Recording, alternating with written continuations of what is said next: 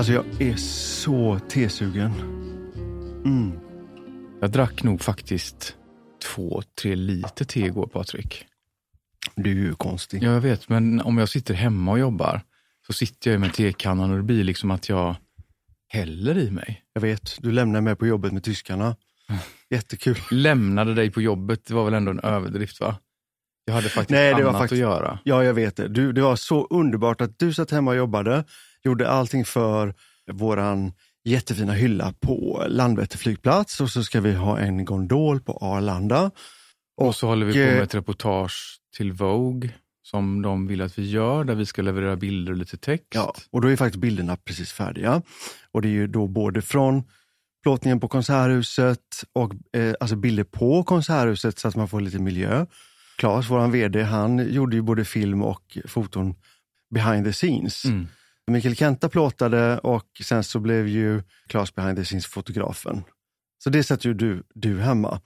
Medans jag hade hand om eh, våra gäster från eh, Tyskland. Du var ju påfågeln. Varför skulle jag, varför skulle jag vara påfågel Nej, bara du- för att jag tog hand Du om visar ju gästerna? upp fjädrarna för de här tyskarna. Vårt vackra kontor och showroom och det här liksom att få vara lite ciceron och, ja, Och så tänker du att du sitter hemma och är den här och gör jobbet. och gör jobbet. det där riktiga jobbet. Ja, jag vet precis vad du tänker. Nej, men i alla fall. Det var så kul för eh, de är ju från eh, Stuttgart och eh, de kom upp hit till Göteborg.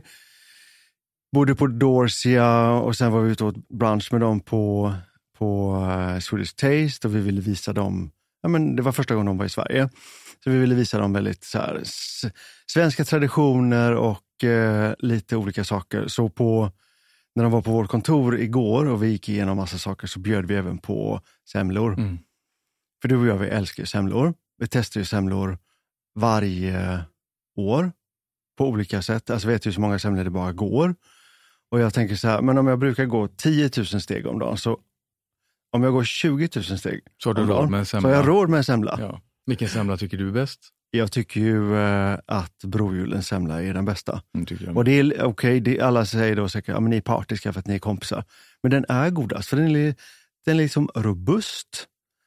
Grädden är som ett moln. Och det är bitar i mandelmassan som gör att det, att det blir lite crunch. Mm. Och sen är den inte krånglig. Alltså, en del ska ha massa saker i. Jag gillar också att den är robust som du säger och att den är väldigt klassisk. Eh, smakerna sitter där och den smakar som den ska, som man tänker att en semla ska smaka. Ja. Lätt grädde. Och sen gillar jag också när man Fluffy. ser att det är så pass mycket mandelmassa att man ser hur den nästan rinner över kanten lite. Åh, Gud. Och nu blir jag sugen på semla. jag vet, vi skulle haft semlor idag. Åh, nej men vi har långt kvar. Det är först den 21 som det är, säger man fettisdagen eller fetisdagen? Vad heter det?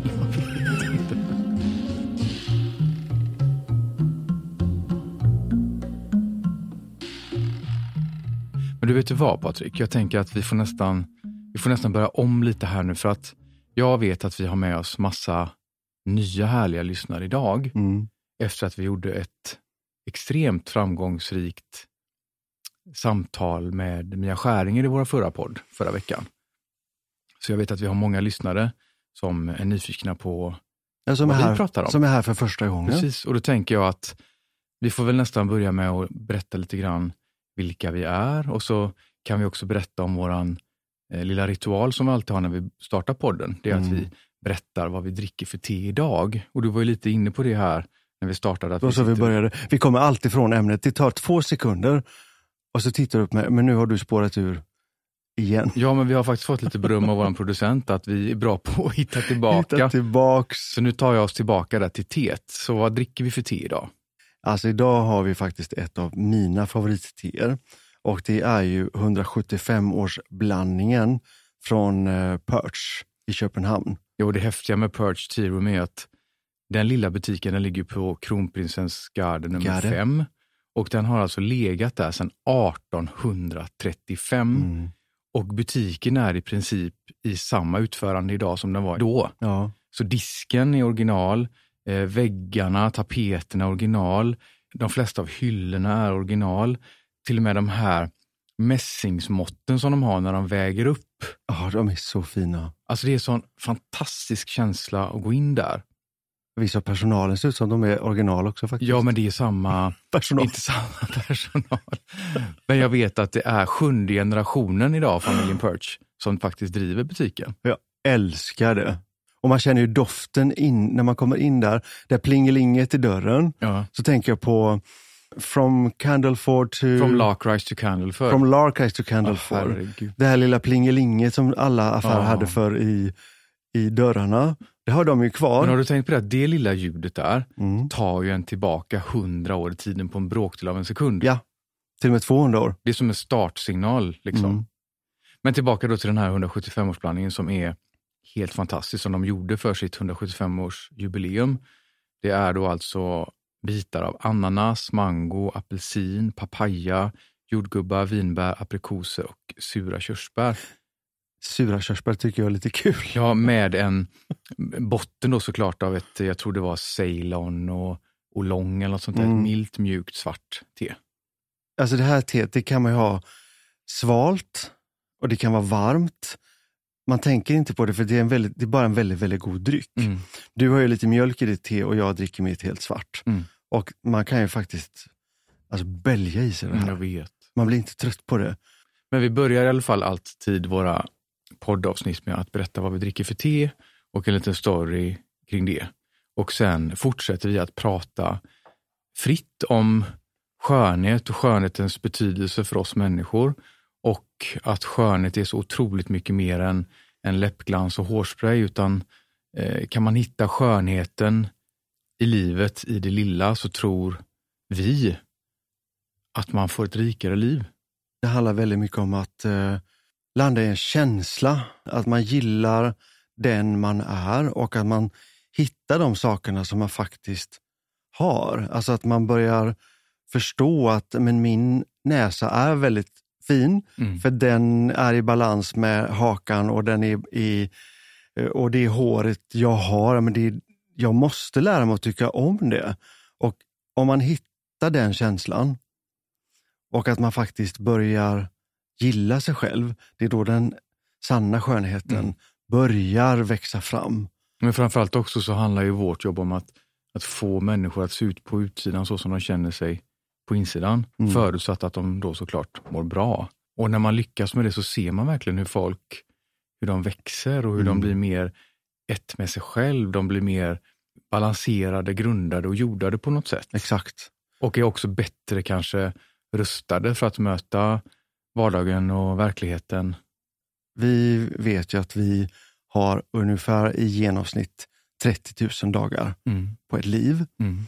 Ganska många av de här 30 000 dagarna går åt till ungdom och ganska många till ålderdom. Och där i mitten ser du ett gäng med cirka 15 000 dagar som varje dag måste vara värdefull. Mm. Och att hitta de här små sakerna i livet som gör att jag faktiskt får en, en vackrare vardag. Jag eh, har en, en mildare och snällare kommunikation med mig själv. Mm. Och att sen då hitta redskapen då med hår och makeup och kläder och med mat och med träning i det här som gör att det, att det passar mitt liv. Mm.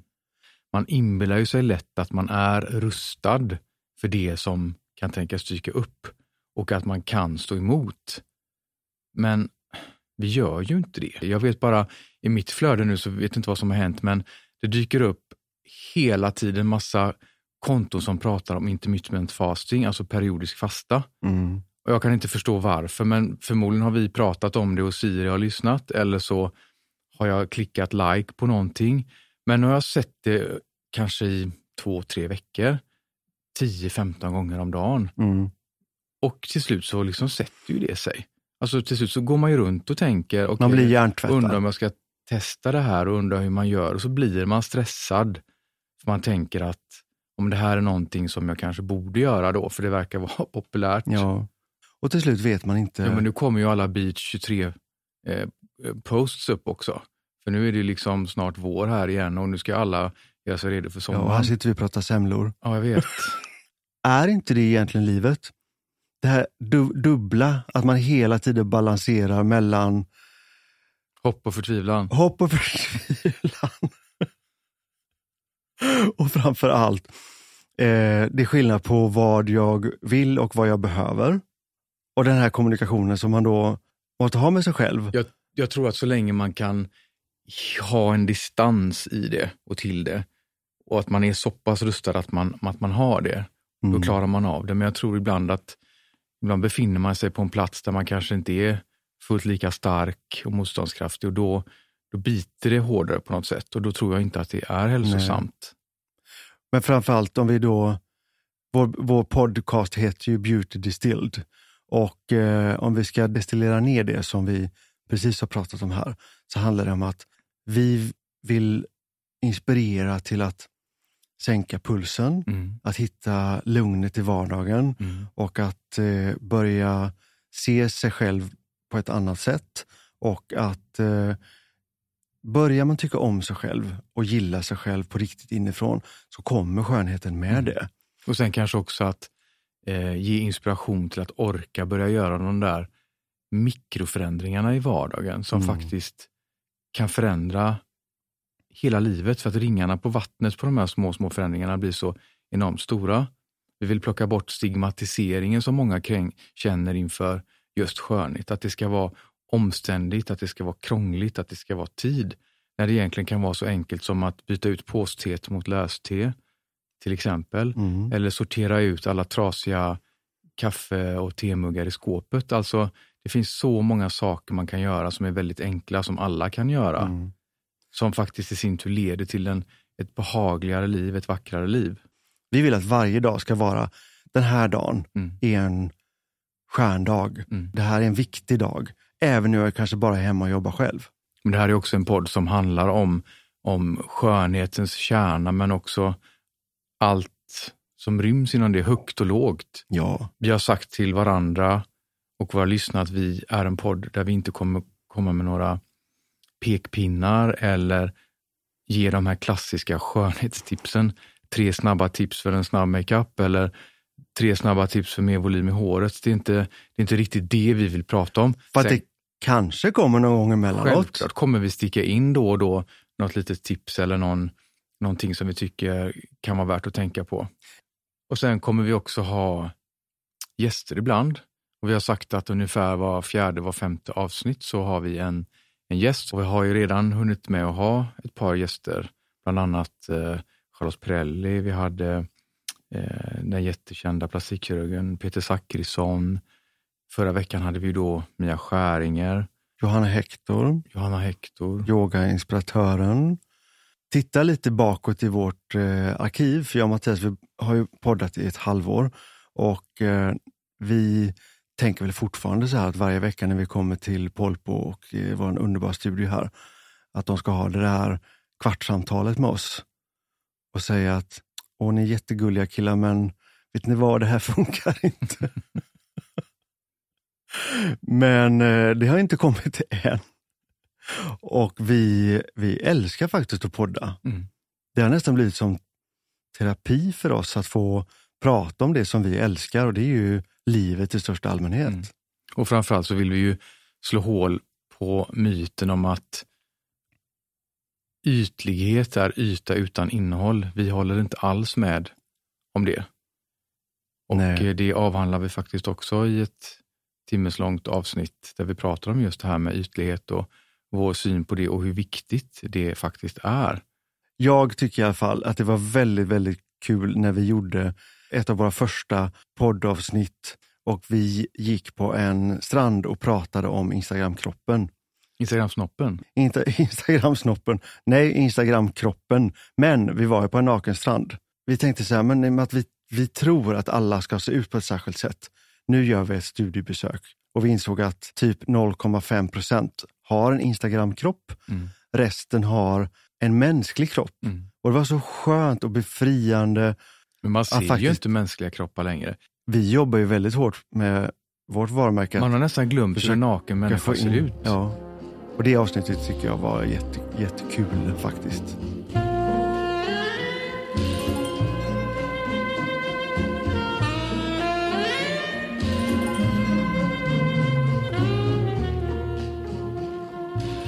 Jag tänkte på det om vi backar tillbaka till eh, avsnittet förra veckan med Mia, alltså vilka reaktioner vi har fått på det. Mm. Helt otroligt. Det är så otroligt roligt med alla DMs vi får via Instagram Mm. av folk som har lyssnat och har åsikter, som engagerar sig. Att det berör så mycket Ja, och man förstår att det är inte bara vi som är lite knäppa. det som du säger där, att folk säger så här att jag trodde bara det var jag som var så här knäpp. Och det är så förlösande att lyssna på er och att ni ger mig bekräftelse i det jag känner, men som jag kanske inte har vågat prata om. Nej.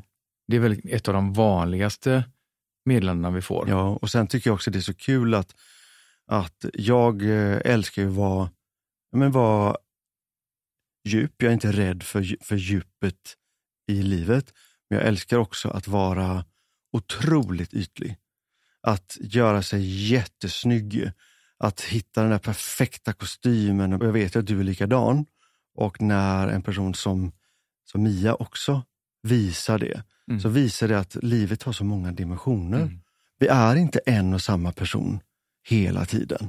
Fast det roliga är att vi är ju en och samma person, men vi har så många olika sidor.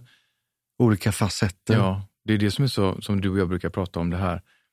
Att om en människa gör ett litet, litet felsteg, så är det folk som är väldigt snabba att gå på att ja, där visade du ditt rätta jag. Visst är den äcklig? Och man tänker så här, men varför skulle mitt rätta jag vara den lilla sekunden när jag gjorde fel eller sa fel Ja. eller betedde mig inte korrekt? Varför skulle det vara mitt rätta? Men de andra skulle det? 99 procenten, är de oäkta då?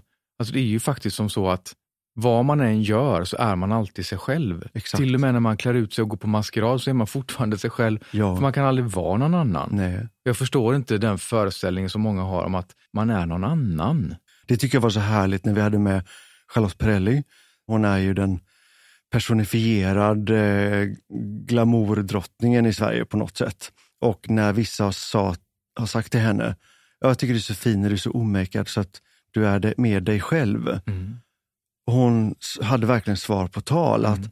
men jag är här alltid mig själv. Ja. Jag kan inte vara någon annan Nej. än mig själv. Om det är med makeup, utan makeup, med eh, klackar. Ut, alltså jag är alltid mig själv. Om vi kan få folk att känna det, vad mycket stigman man kan lyfta från folks axlar. Ja. Det finns inget rätt och det finns inget fel. Tänk vilken frihet det finns i det. Åh, Att acceptera hela sig själv så och att få underbart. även omgivningen att förstå att man alltid är sig själv oavsett. När tycker du att du är, vad ska man säga, i och med att du alltid är dig själv, när är du eh, i ditt esse? Alltså, jag tror att man kan ha många olika essen. Eh, jag kan vara liksom, när jag är inne i ett kreativt flow kopplat till jobbet till exempel, då är jag verkligen i mitt esse när jag får utnyttja de talanger och de gåvor och den kunskapen jag har till max. När man är liksom på rätt plats. Mm.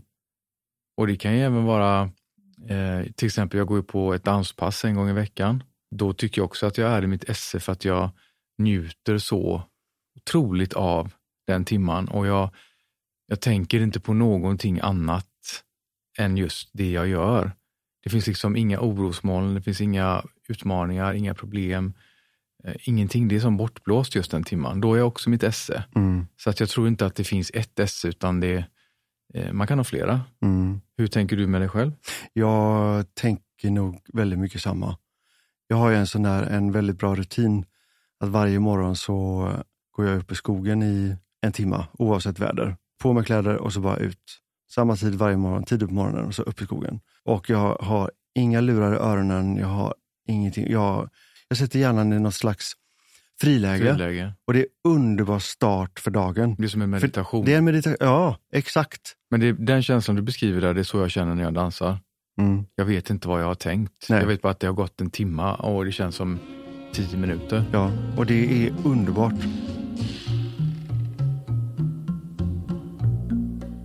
Alla våra nya lyssnare nu då, som vi har, Mm. de vet ju kanske inte riktigt vilka vi är. Nej. Och eh, vi jobbar ju väldigt mycket där vi presenterar oss själva inför andra människor, när vi har våra seminarier, när vi har våra utbildningar, eh, när vi träffar folk. Men jag tänkte faktiskt att, ska vi göra ett försök att försöka presentera varandra istället? Oj, ja, det kan vara spännande. Jag tänker att eh, du får nästan börja, Ja, men så tar jag lite för det. rygg på dig. Okej, då låtsas jag att du kommer in på en, en scen här nu Ja. då. Och så ska du göra ditt, eh, ditt nummer. Fy, jag gör inga nummer. Jo, nu ska du göra ditt nummer. Och då kommer jag presentera dig så här. Att eh, jag och vår nästa person eh, är Mattias Staffsing. Han är en av eh, medgrundarna till och ägarna till Lamberg Staffsing. Och eh, Lamberg Staffsing är ju ett av Sveriges eh, mest eh, prestigefyllda skönhetsvarumärkena. Och för att komma dit så började Mattias redan som femåring att eh, ta kunder hemma i sitt sovrum. Nu överdriver du väl ändå lite? Låt mig prata klart nu då. Okej. Man ska alltid överdriva lite grann. Man ska alltid Femåring, vässa, vässa lite grann. det är ingen eh, som tror på det. Men nu avbröt du mig här min presentation. Ja, det hade du aldrig gjort om du stod bakom scenen. Jo, det hade jag nog gjort. Okej, jag höjer åldern lite grann då. Som 13-åring så tog Mattias egna kunder hemma i, i pojkrummet. Han har tänt väldigt många stjärnor i Sverige. Han eh, har hjälpt Charlotte Perrelli genom hela hennes karriär. Han tog fram hennes stil till eh, Tusen och en natt 1999 och sen dess så har han skött hela hennes garderob och makeup och eh, hår. Förutom det så har han designat möbler. Han har gjort eh, trendrapporter för eh, eh, stora kända möbelvaruhus. Han har gjort makeup och hår för andra stjärnor som har kommit till Sverige på besök. Han har sjungit i en av Sveriges bästa gosskörer. Han har jobbat som modell, så han har stått på den andra sidan av kameran också. Så han har väldigt, väldigt stor empati för att både vara framför och bakom kameran. Han har varit juniormästare i latindans i Sverige. Om man gör en beauty distilled på hela Mattias karriär så är det ju faktiskt det att allting som han har gjort och gör så är det just att det måste finnas skönhet med i allting. Var det en, eh, en bra förklaring av det Mattias? Ja, den var helt okej. Det är väldigt speciellt när någon annan ska berätta. Ja, men jag kände, jag, jag, det tog, jag, jag blev lite tagen på sängen att man bara hux flux måste göra Jag det. vet, men det är det som är meningen. Och det blir lite kul. Ja. Men okej, då får inte du tänka, nu ska Nej, du ska inte presentera mig då. Det blir lite rabblande, men det får... Det, det får ni ta. Ja. Ja. Eh, Jag sitter alltså här med eh, min eh, livskamrat sedan 26 år, Patrik Lernberger, som är medgrundare till Lernberg Staffsing, vårt gemensamma företag som vi har haft i 11 år. Vi träffades första gången när jag var 18 och vi blev tillsammans när jag var 20. Och Patrik är 10 år äldre och det lustiga är att jag har hört talas om Patrik hela min barndom utan att veta vem han var. Och han har hört talas om mig. Så att det känns nästan lite grann som att det var lite ödesbestämt. Patrik är en person som jag beundrar väldigt mycket för hans konstnärliga förmåga och för hans sätt att tänka fritt utanför ramarna. Och det kan han applicera på egentligen vad som helst. Så Patrik är en väldigt bra person att fråga när man har fastnat i någonting. Professionellt så har han jobbat eh, för alla de stora drakarna som Schwarzkopf och L'Oreal. Turnerat eh, land och rike runt, eh, även varit internationellt, Japan, Frankrike, där han har föreläst, haft seminarier, haft kurser, lanserat nya produktserier. Eh, han var L'Oreals ambassadör under väldigt många år. Sen så för några av våra lyssnare så tror jag att han kanske är känd mest som eh, Patrik Lernberger från Gör om mig på Go'kväll i tv där han var stylist under, vad blir det, nästan tio år tror jag. Där han gjorde om kvinnor och män som hade fastnat i, i livet och i sin stil. Och han blev ju extremt populär så det var, det var väldigt jobbigt att gå med Patrik på stan där under några år. Man fick liksom inte vara i fred för det var eh, tantalurer som skulle fram och rycka i rockarmen och ha sin lilla bit av Patrik och gärna få lite tips och, och råd. Jag vet att vi delar vårt musikaliska intresse också för att Patrik eh, spelade valthorn. Säger man spelade? Ja, det kanske man gör. Spelade, eller tjuter eller vad det nu kallas. Medan jag spelade fiol. Så att det är någonting som vi också har gemensamt. Däremot dansen kan jag inte påstå att vi har gemensamt för att Patrik har nog eh, en hammare i ena foten och en spik i den andra, tror jag. Om jag har tråkigt en dag hemma så sätter jag på en låt så ber jag Patrik dansa, för då, då får jag definitivt roligt.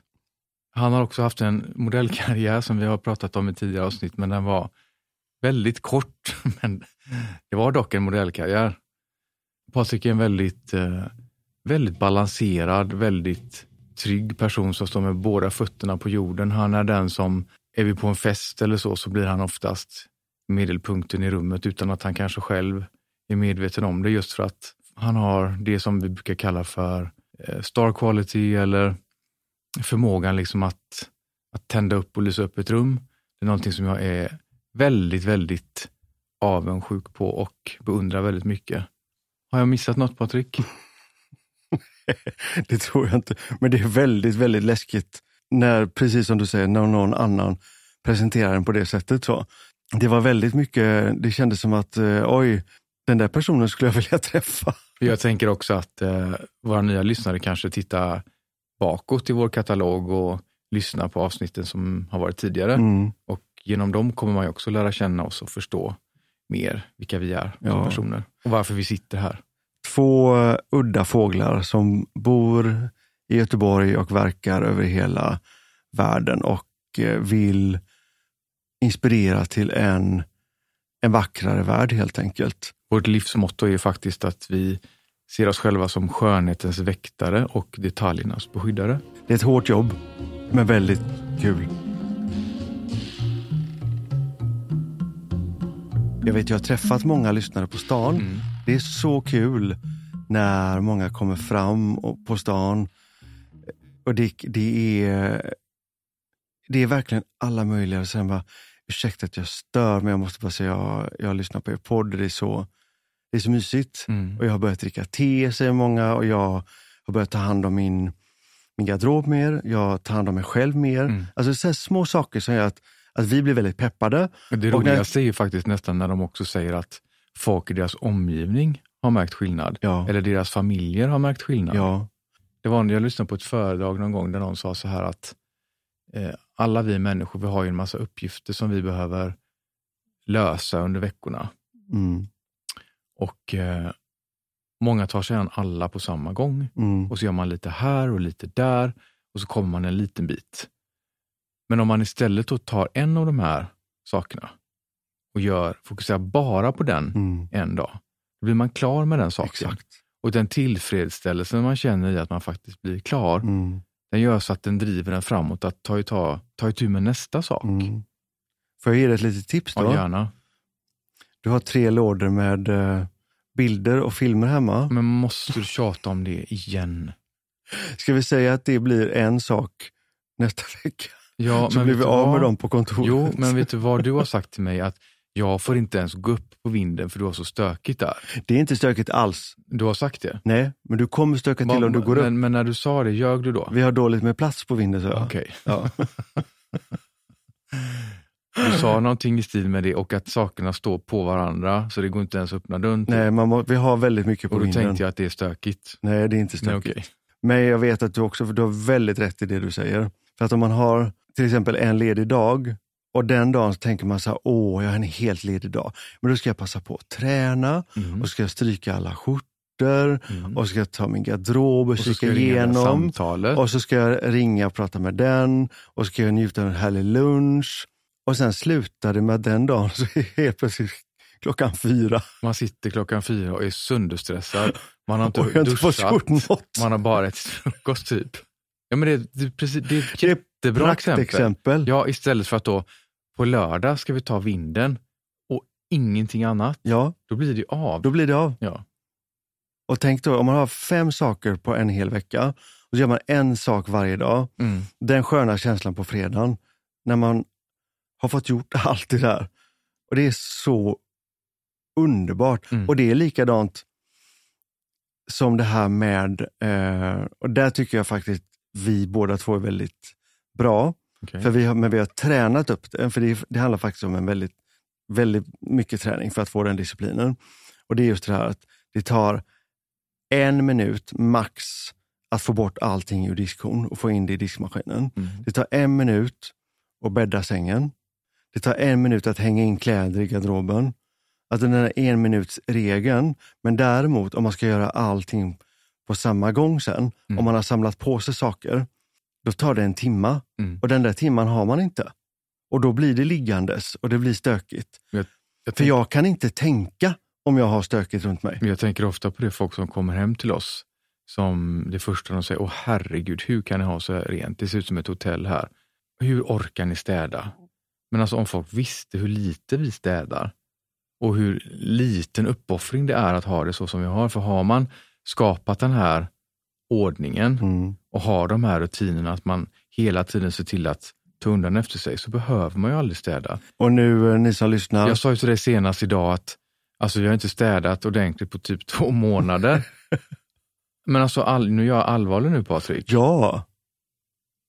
Jag Vad, vet. vad du skulle skoja bort någonting så jag. Nej, jag sa bara ni som lyssnar nu. Alltså, vi är inte två tråkiga gubbar som pratar om disciplin och ordning och reda. vi är ganska, vi har våra brister, absolut. Vi älskar godis och vi älskar vin och vi älskar allt. Men vi balanserar upp det med träning och vi älskar ordning och reda hemma.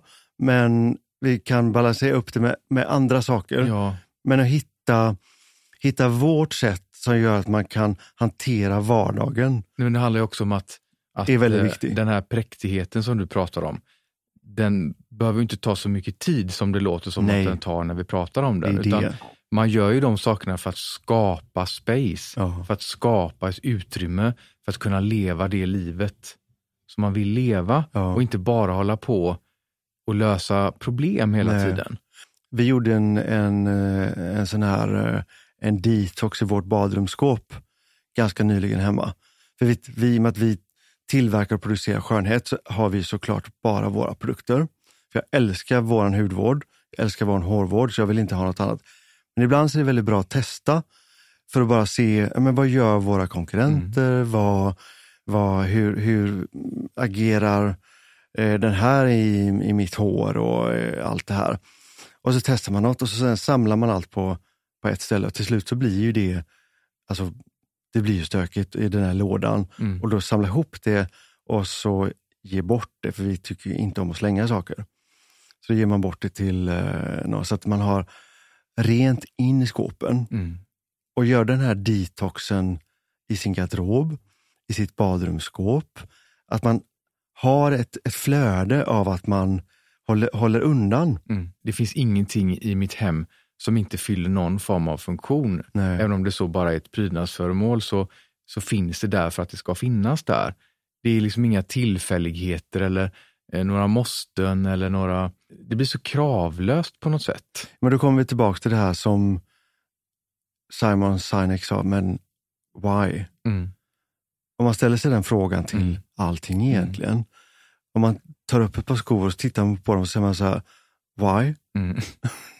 Eller ta upp den där vasen man fick i julklapp och så ställer man sig frågan varför? Varför? Och kan man svara på den frågan, Så men den, då, absolut, då är den ju rättfärdigad. ja, Men om det är liksom, jag fick den någon gång för länge sedan och jag aldrig riktigt tyckt om den. Nej men för sjuttsingen, gör dig av med den då. exakt.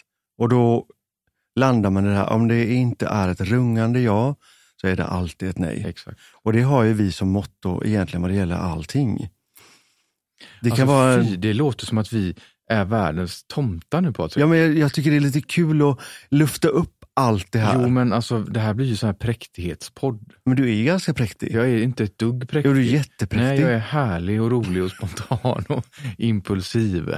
Ja, det är du faktiskt. Nej, inte impulsiv är du inte. Du är definitivt inte Nej, det har jag impulsiv. inte sagt heller. Jag har inte var det påstått när det. vi träffades? Vad hände? Var jag det? Mycket mer. Men Man blir väl... Eller så sa du bara det för att liksom Tuffa mig imponera lite så.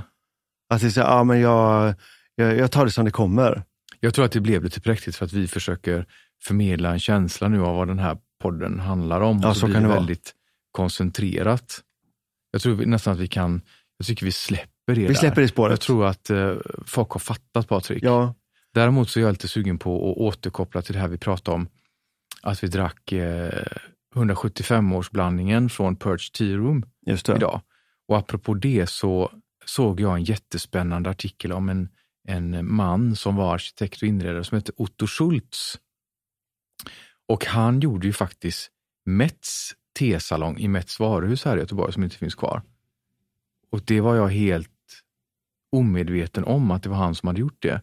När du visar mig den här artikeln Ja. och sen så börjar vi gräva djupare, så blev jag både glad och ledsen på samma gång. För när man inser vilken historia som har funnits i eh, inredning, arkitektur, eh, livsstilsprodukter överhuvudtaget, som var helt eller är helt fantastiska, för man kan ju hitta dem på auktion idag. Men när vi såg också då, som du sa, den här Mets tesalong, Och även Breutigams. som inte finns kvar Nej. heller. Och man ser bilder och målningar och man tänker, hade det här funnits idag så hade det varit helt magnifikt. Det har varit proppfullt. Det har varit proppfullt. väntetid för att få komma in. Jag kan känna så här, men varför denna tillbakagång? Varför känns det som att Göteborg nästan var mer modernt och mer framåt för hundra år sedan? Ja, Alltså tänk att det fanns en tesalong här som det skulle kunna varit liksom en, en, en miljö hämtad direkt från Paris. Så ja, det vackert var, var det. så Varför snyggt. kommer ens på tanken att ta bort någonting sånt? Ja. Och samma sak med Idioter. Breutigams. Idag är det liksom någon irländsk pubkedja som har den lokalen. Ja. Jag blir, alltså jag blir uppriktigt Ja. förbannad när man tänker på det. Men det som är så spännande då med den här mannen Otto Schultz, som för mig var okänd tills jag såg vilken typ av möbler han har gjort. Och inser att bland annat ett av mina favoritskåp som jag har, till och med har sparat ner i min mapp där jag samlar bilder för inspiration. Mm. Det är ett skåp som han har gjort och det såldes för 500 000 kronor för ett tag sedan på Bukowskis. Herregud. Och en del av hans fåtöljer är liksom hårdvaluta idag på auktionsverken och eh, de tillverkas faktiskt än idag. Men vet du vad? När jag tittar på hans möbler så tänker jag så här, men exakt det här är det som, ja, men det, det är ju mitt i tiden just nu. Mm. Så att när han sa till exempel, när han, han skrev, skrev ju väldigt mycket Mm. och han sa att han själv var i otakt med tiden. Så fint. Det var så fint, men då förstår jag, nu är han i takt med tiden. Ja. Och då var han ju så otroligt före. Men han kände ju sig i otakt med tiden för att han blev aldrig riktigt erkänd av sina kollegor inom sitt skrå under hela sin levnad. Nej. För att han hade ju en fot kvar i, i klassisk stil som han moderniserade lite grann så att det blev ett eget unikt formspråk. Just Och det. detta var ju då någonstans, vi pratar kanske 20, 25, 30-talet. Ja. Och eh, den modernismen som hade fötts internationellt, den kallade ju han för cykelrörsmöbler och det, han vill inte riktigt ta i det så att han på något sätt framstod nästan lite som Omodern. omodern fast Mm. han egentligen var, precis som du sa där Patrik, väldigt, väldigt modern. Ja. Och han hade bland annat på Avenyn öppnade han ju en, en butik som hette Boet. Och det var alltså kanske en av världens första livsstilsbutiker. Mm. För där hade man möbler och eh, utensilier för att kunna inreda ett helt hem. Han hade till och med en, eh, en utställningsvåning som var komplett med herrum, bibliotek, badrum, kök, jungfrukammare. Eh, bara för att kunna visa upp sina möbler i en, i en eh, fysisk miljö. Och just när han sa det här, jag kan se vad han menar när han säger cykelrörsmöbler. Men när man tittar på under den tiden som han var verksam så var det ju, Bauhaus var ju väldigt stort. Mm. Och jag kan tycka om det, Mm. men hans stil är ju precis något helt annat. Och då förstår jag vad han tyckte om det. Ja. Han jobbade ju med jättespännande tekniker som han klädde in skåp med skinn till exempel, som han sen nitade fram en nässingsspik mönster i, som också går för hutlösa summor idag om man hittar ett på Ja. ett auktionsverk. Och framförallt också om man tittar på de stoppade möblerna, Ja. så var de ju verkligen stopp, Och stoppade. omfamnade, Omfamnande. och bekväma möbler. Han var också, på samma sätt som han var, var kanske en av världens första att tänka lifestyle, Mm. så var han ju också väldigt tidig med att jobba med modulmöbler. Han hade ju en, en teori om att möbler skulle kunna liksom anpassas efter tiden i takt med att en, en familj blev större. Eller att man hade eh, råd med ett större boende så att man kunde bygga på sina soffor. Man kunde bygga på sina bokhyllor. Och Han var ju jätte... Vi pratar alltså på en tid när Ikea inte fanns till exempel. Nej men det här var ju på Så han, levde mellan, 30-40-talet. han levde mellan 1882 och 1970. Ja, Så jag tippar att det var någonstans där 20, 30, 40-talet 50. som han var. Ja, hela den eran där Precis. som han var verksam. Men jag blev, precis som du säger, jag blev också så här, det var så otroligt inspirerande och man, man kände så mycket för honom och förstår verkligen vad han krigade för. Samtidigt som man blir lite ledsen att, att han aldrig riktigt själv fick uppleva det. Mm. Vet du vad jag känner när jag läser sånt här? Nej. Att vi måste skärpa oss. Jag tror vi måste, både vi och vi måste inspirera er som lyssnar till att, att lyfta blicken lite grann. Och göra lite mer. Att ta ett helikopterperspektiv Att ta ett helikopterperspektiv. på Ja. saker. Jag tycker det kan hjälpa när man känner att man har kört fast. Liksom. Mm. Oftast kör man ju fast när man fokuserar för mycket på det lilla. Då Mm. behöver man på något sätt släppa det, backa ur, ta ett helikopterperspektiv Mm. och så helt plötsligt så dyker det upp andra lösningar Ja. eller möjligheter. Jag tycker ändå att vi är rätt produktiva Patrik. Det är väl kanske mer att vi inte, tiden finns kanske inte för att göra allt vi vill. Men förra veckan var ju faktiskt vi och ställde ut på Copenhagen Fashion Week och vi eh, brukar säga att vi inte är några mässmänniskor. Man har svårt för det här med eh, stora ytor med massa människor som trängs, det är varmt och svettigt och det är nålfiltsmatta. Åh, och det luktar människa. Och det luktar människa och det är roll-ups och massa reklam. Och man känner bara att men det, här, det här passar inte in i min värld. Och framförallt inte i en, i en vacker värld. Mm. Men den här mässan fick vi presenterat för oss som att det skulle vara någonting annat. Och vi tänkte att nej, men vi ger det en chans. Mm. Och det är jag faktiskt väldigt glad för, för det var så inspirerande, så roligt. De hade gjort det så fint. Vi fick alltså en, eh, en hall som var dedikerad bara för skönhet. Och i den hallen så fanns det bara 20 skönhetsmärken som var utvalda. Och varje märke hade fått en, en vit målad ruta på marken och på den vita rutan fick man då displaya och möblera som man ville. Och vi valde att jobba med fem vita pelare och så hade vi en fantastisk blomsteruppsättning som vi pratade om i förra podden som Blomsterbjörn i Köpenhamn har gjort, som verkligen var fantastisk. Och sen hade vi produkter på de andra pelarna. Och eh, jag tyckte det blev jättefint. Och det som, som vi älskar med eh, Danmark och Köpenhamn och framförallt den här danska estetiken. Alltså vi fick ju en lista vad man får göra och inte göra. Och när man får en sån lista så blir det så mycket enklare också. Ja, men det var väl kanske också en av orsakerna till att vi ville vara med, för Ja. vi förstod att svansföringen och estetiken kring den här mässan var ganska... Var hög. Ja, Och de ville då att vi skulle visa vårt universum på den här lilla delen. Men det fick då inte innehålla några roll-ups. Det fick eh, inte, att det var väldigt mycket det fick strikta inte vara regler. fula skyltar. Nej, det ska vara clean, det ska vara rent, det ska, vara, det ska godkännas av dem allting innan. Så att det, det var ju mer som att man tänker att man går in på Rodinmuseet i, eh, i Paris. Allting som är här, det har en röd tråd. Vi är ju liksom i vår lilla bubbla och vår värld. Men när man kommer ut så och man helt plötsligt träffar live då alla sina kollegor i branschen som man har väldigt mycket gemensamt med. Alltså jag blir som ett, som ett barn. Men Det roliga är att jag kan tänka mig att många tänker då att man, när man är konkurrenter, att man ska gå och titta lite snett på varandra och eh, kanske undvika varandra eller sätta näsan i vädret. Men så är det ju verkligen inte med, de, med oss svenska varumärken. Alltså vi, vi byter ju erfarenheter, vi, Men vi, framförallt så hjälper vi varandra för vi, vi vet att eh, det finns inget värre än att försöka vara märkvärdig. nej, Det, det känner ingenting till. Men däremot så har man ju faktiskt saker gemensamt. Mm.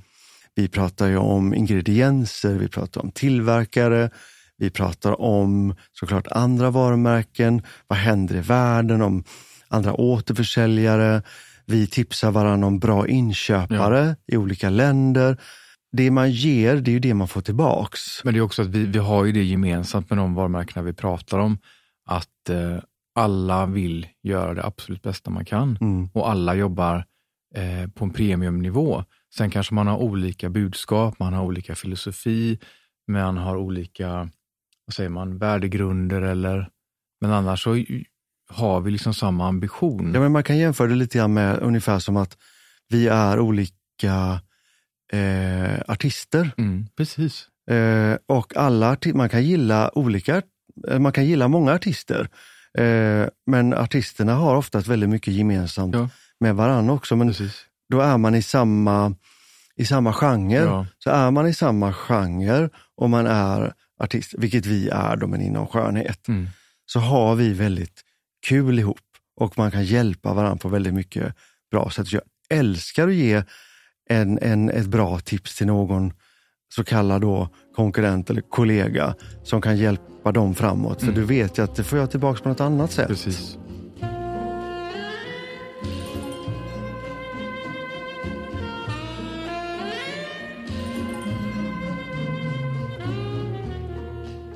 Vad kände du och tänkte du när vi kom där på tisdagen till den här stora lokalen och vi möter våran säljchef Henrik och våran vd Claes som står då vid våran lilla monter där, den här vita plattan på golvet med de här fem pelarna. Jag tyckte det var så kul för Claes skickade ett sms till mig, är ni på väg? Och jag kände stressen i det här Mm. smset. Ja, vi är på väg, vi är snart framme. Ja, för det, jag tror vi behöver er magi, för det, det, ser, det ser lite skralt ut här. Men då vet ju både du och jag att när det är skralt så kan det vara lika med eh, cleant, minimalistiskt, monokromt och monumentalt. Mm. Och det är det vi älskar. Det är det som är grundpelarna i vårt varumärke. Men vi har också lärt oss att utnyttja de förutsättningarna som finns. Mm. Det är det, det bästa man kan göra i alla lägen, Ja. än att försöka eh, trolla med knäna.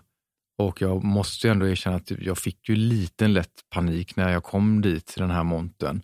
De hade inte tänt någon belysning än, så det var ganska dunkelt. Och det står fem vita tomma pelare utspridda och ingenting mer. Och man bara kände, åh herregud, hur ska vi få till det här? Och så ser man då de andra som har släpat dit soffor och fåtöljer och, Och badkar, badkar och lampor och någon har byggt upp det som ett litet hem och någon hade byggt upp det som en liten skog. en skog. Och det var stubbar och det var mossa och det var växter högt och lågt. Men jag måste faktiskt säga att när vi var klara, jag tyckte våran var den absolut snyggaste med. Och det säger jag inte bara för att Nej. jag tycker faktiskt det. Jag kände att med den här monten så kommer vi attrahera de inköparna och de kunderna som vi faktiskt vill ha. Exakt. Men det är då man blir så här, när jag är, när jag är sann, Mm, när, när jag är, är sann in i själen mm, och jag visar det på utsidan. Det är precis det som vi pratar om som, som person. Att när man, är, när, man är, när man blir ett ja. Och man är ärlig, hela, hela personen i, i sig, att det blir liksom en sanning.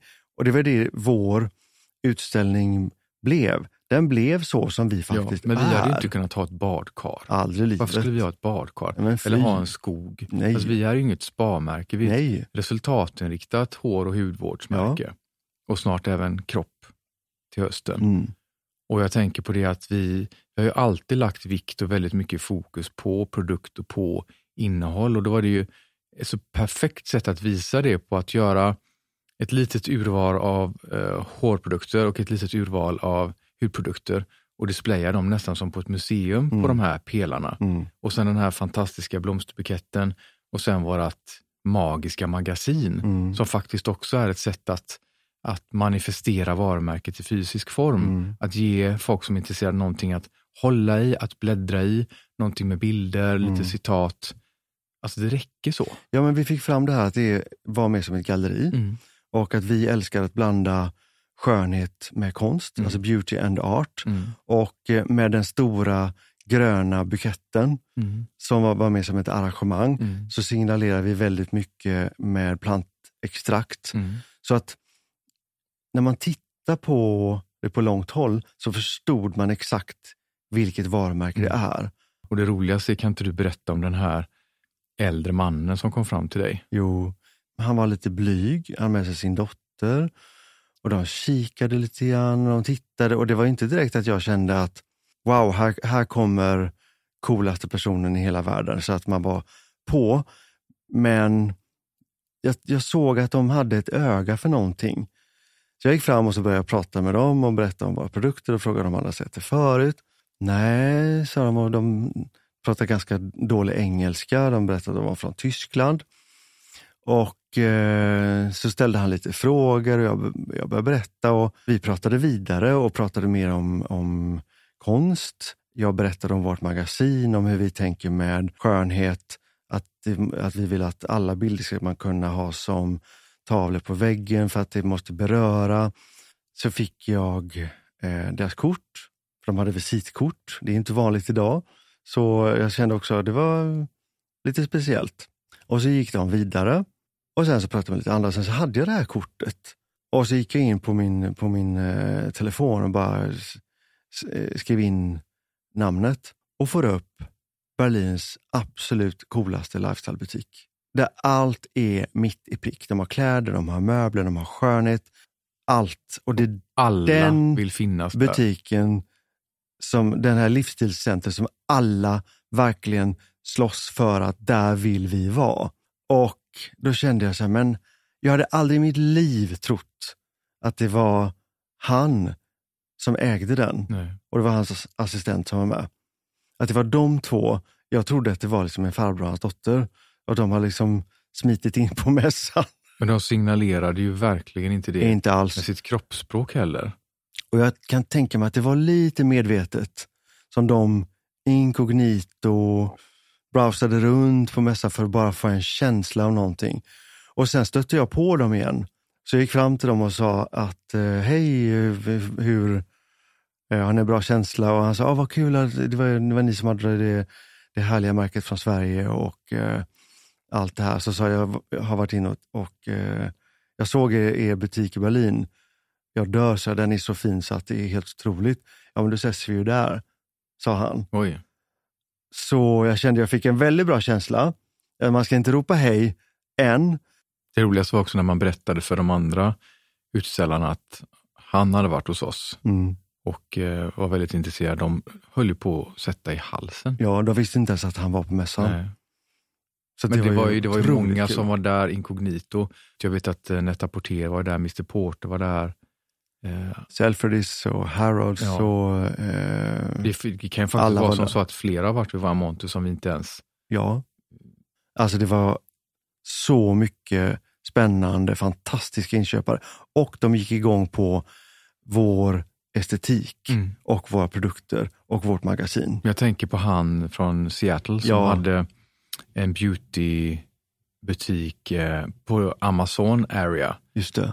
Där han förklarade det som att Amazon har byggt en hel, ett helt område som är superfuturistiskt, supermodernt Mm. med eh, fossilfri energi och allt vad han pratade om. Han berättade att han visade att taket i hans butik var, det såg ut som att det var liksom en, en vit plexiglasskiva med belysning bakom. Just det. Men det var liksom ingen belysning utan materialet i sig lyste.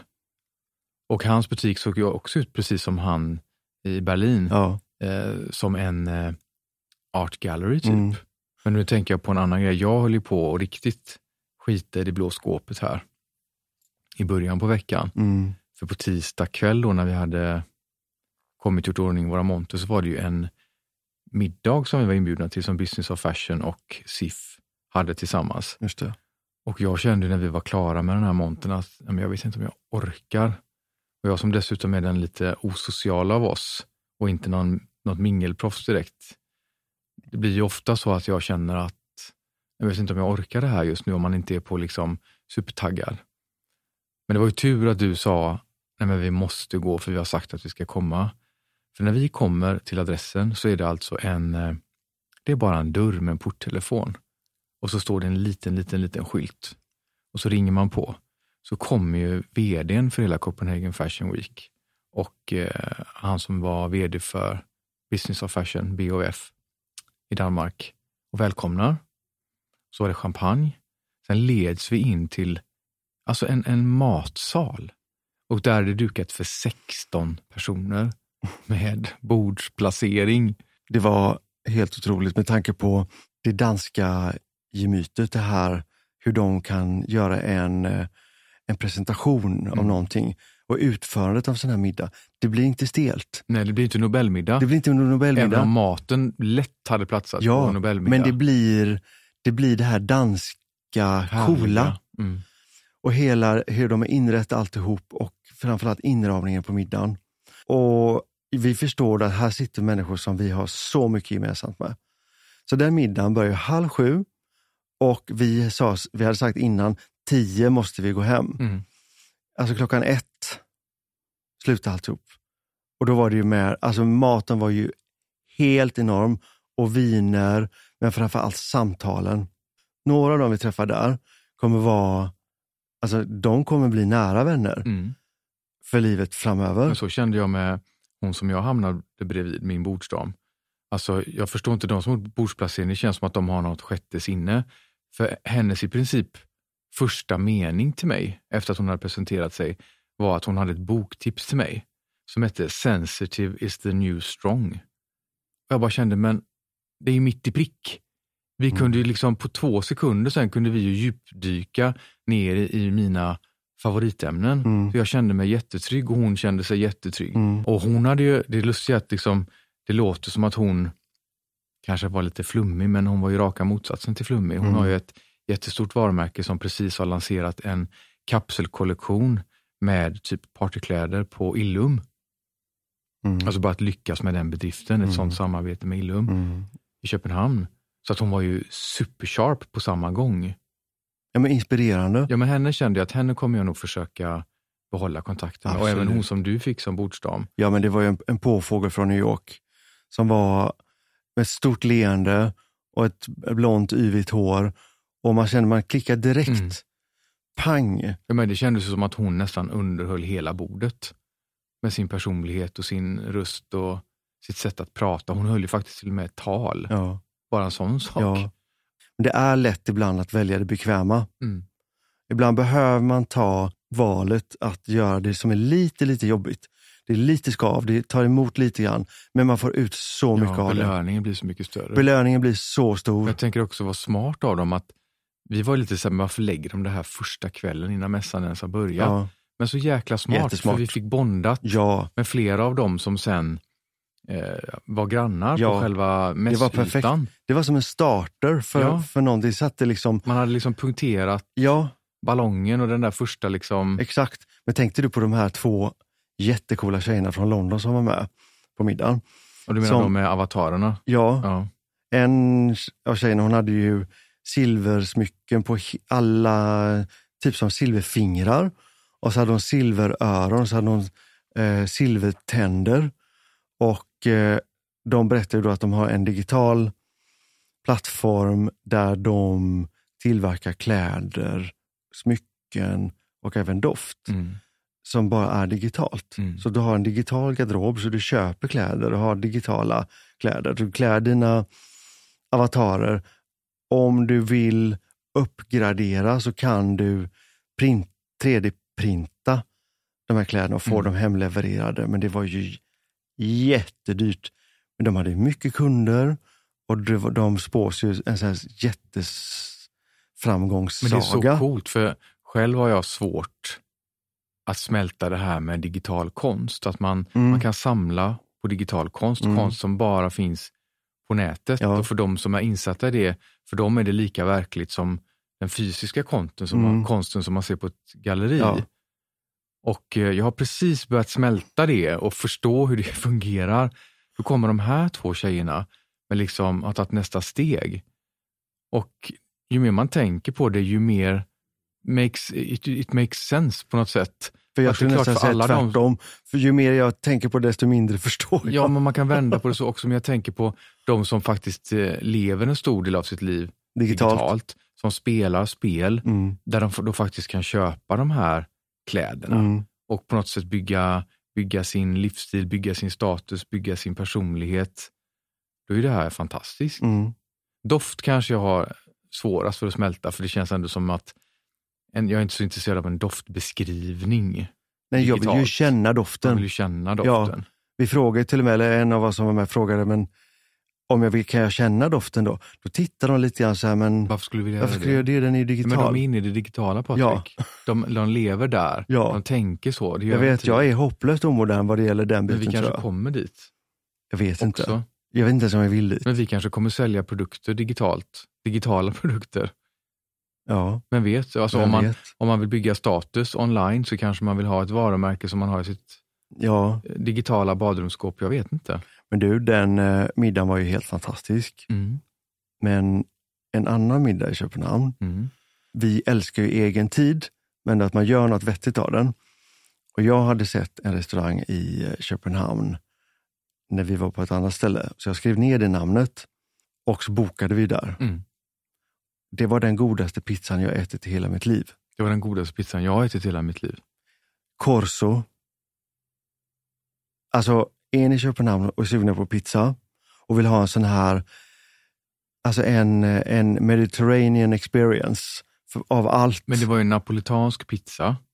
Allt var rätt i alla lager. Mm. Från pizzadegen till storleken på kanten, Mm. till hur hårt den var gräddad, Mm. tomatsåsen, mängden ost, smaken på osten och sen tog vi med sån här salami picante. Och det kan ju vara skitäckligt. Den var ju så att den var knaprig Ja. nästan. Och sen också tittar man då vidare på restaurangen så såg Mm. man ju publiken också. Det var ingen vanlig pizza. Det var ingen vanlig publik. Men det var också så här, att det var inte dyrt, så det var inte det. Men tittar man på, på publiken, jag blev så inspirerad Ja. när du säger till mig så här, du, kolla hon ba, snett bakom dig till vänster. Och då kommer det in ett sällskap med kvinnor. De var från kanske 25 upp till 75. Och den coolaste av dem var hon, den, som var äldsta. äldst. Hon hade långt vitt hår uppsatt i en jättecool tofs bara. Och eh, hon såg typ omakead ut, men man fattade att hon var ganska makead. Och klädde sig så coolt och rörde sig och pratade så här danskt, Vet du vad det roliga självsäkert. Patrik? Kommer du ihåg att i ett av avsnitten, jag vet, minns inte om det var förra eller förrförra, så pratade vi just om Köpenhamnskvinnan och Mm, den danska vet. kvinnan och eh, upplevelsen av dem och deras stil när man var liten. Mm, Och den kvinnan som jag beskrev då i det avsnittet, det var hon. Det var ju hon. Det var hon. Hon hade på sig typ, hade hon lila strumpor, eh, leo, leopardprintade typ leggings, en leopardprintad rock, eh, knallcerise-orange eh, blus med ett limegrönt skärp. Det låter hemskt Ja, när du berättar hemskt, men det var så coolt på henne. När det blir på det sättet Ja. och det blir inte utklädning utan det blir verkligen så här. Men hon var helt bekväm wow, med det där. ja.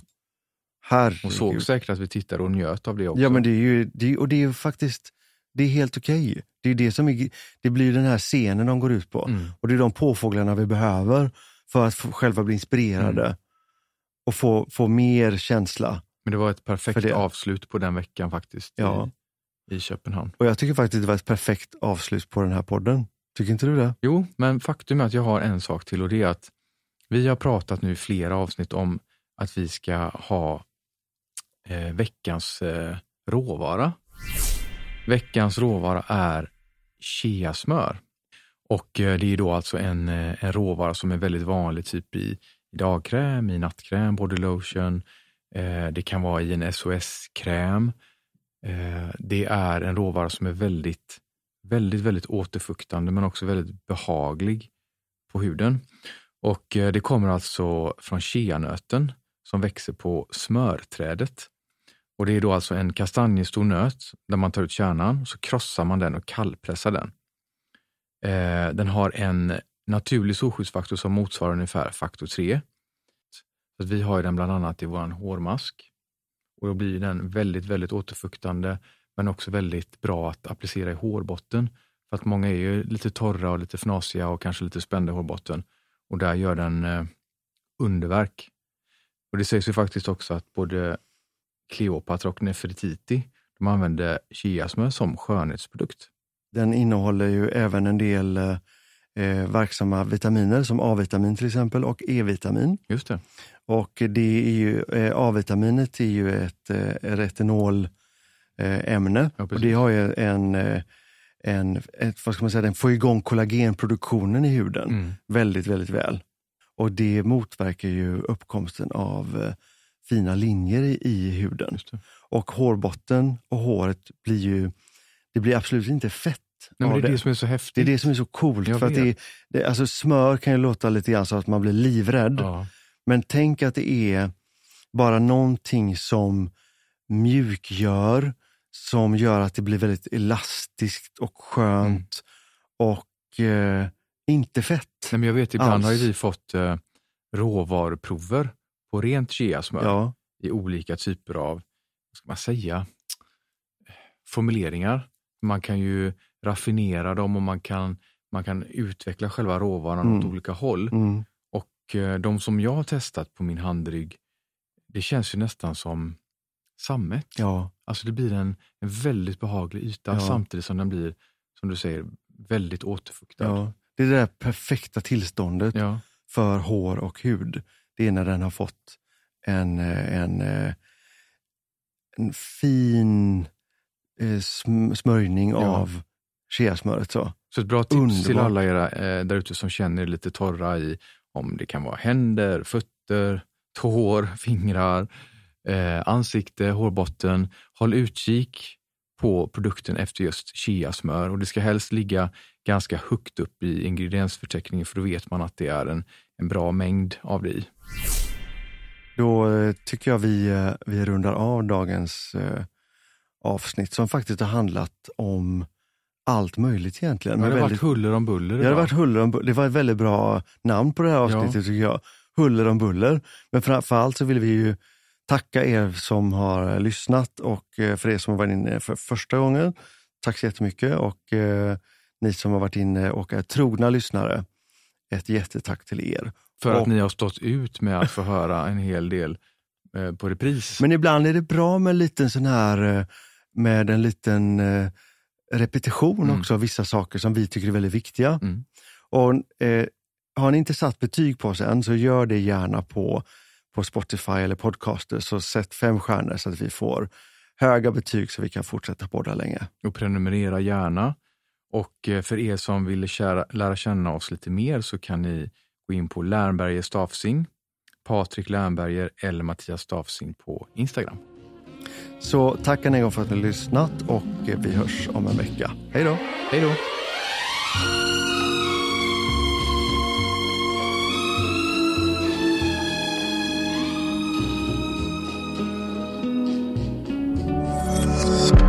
Thank you for listening to this Polpo original. You've been amazing.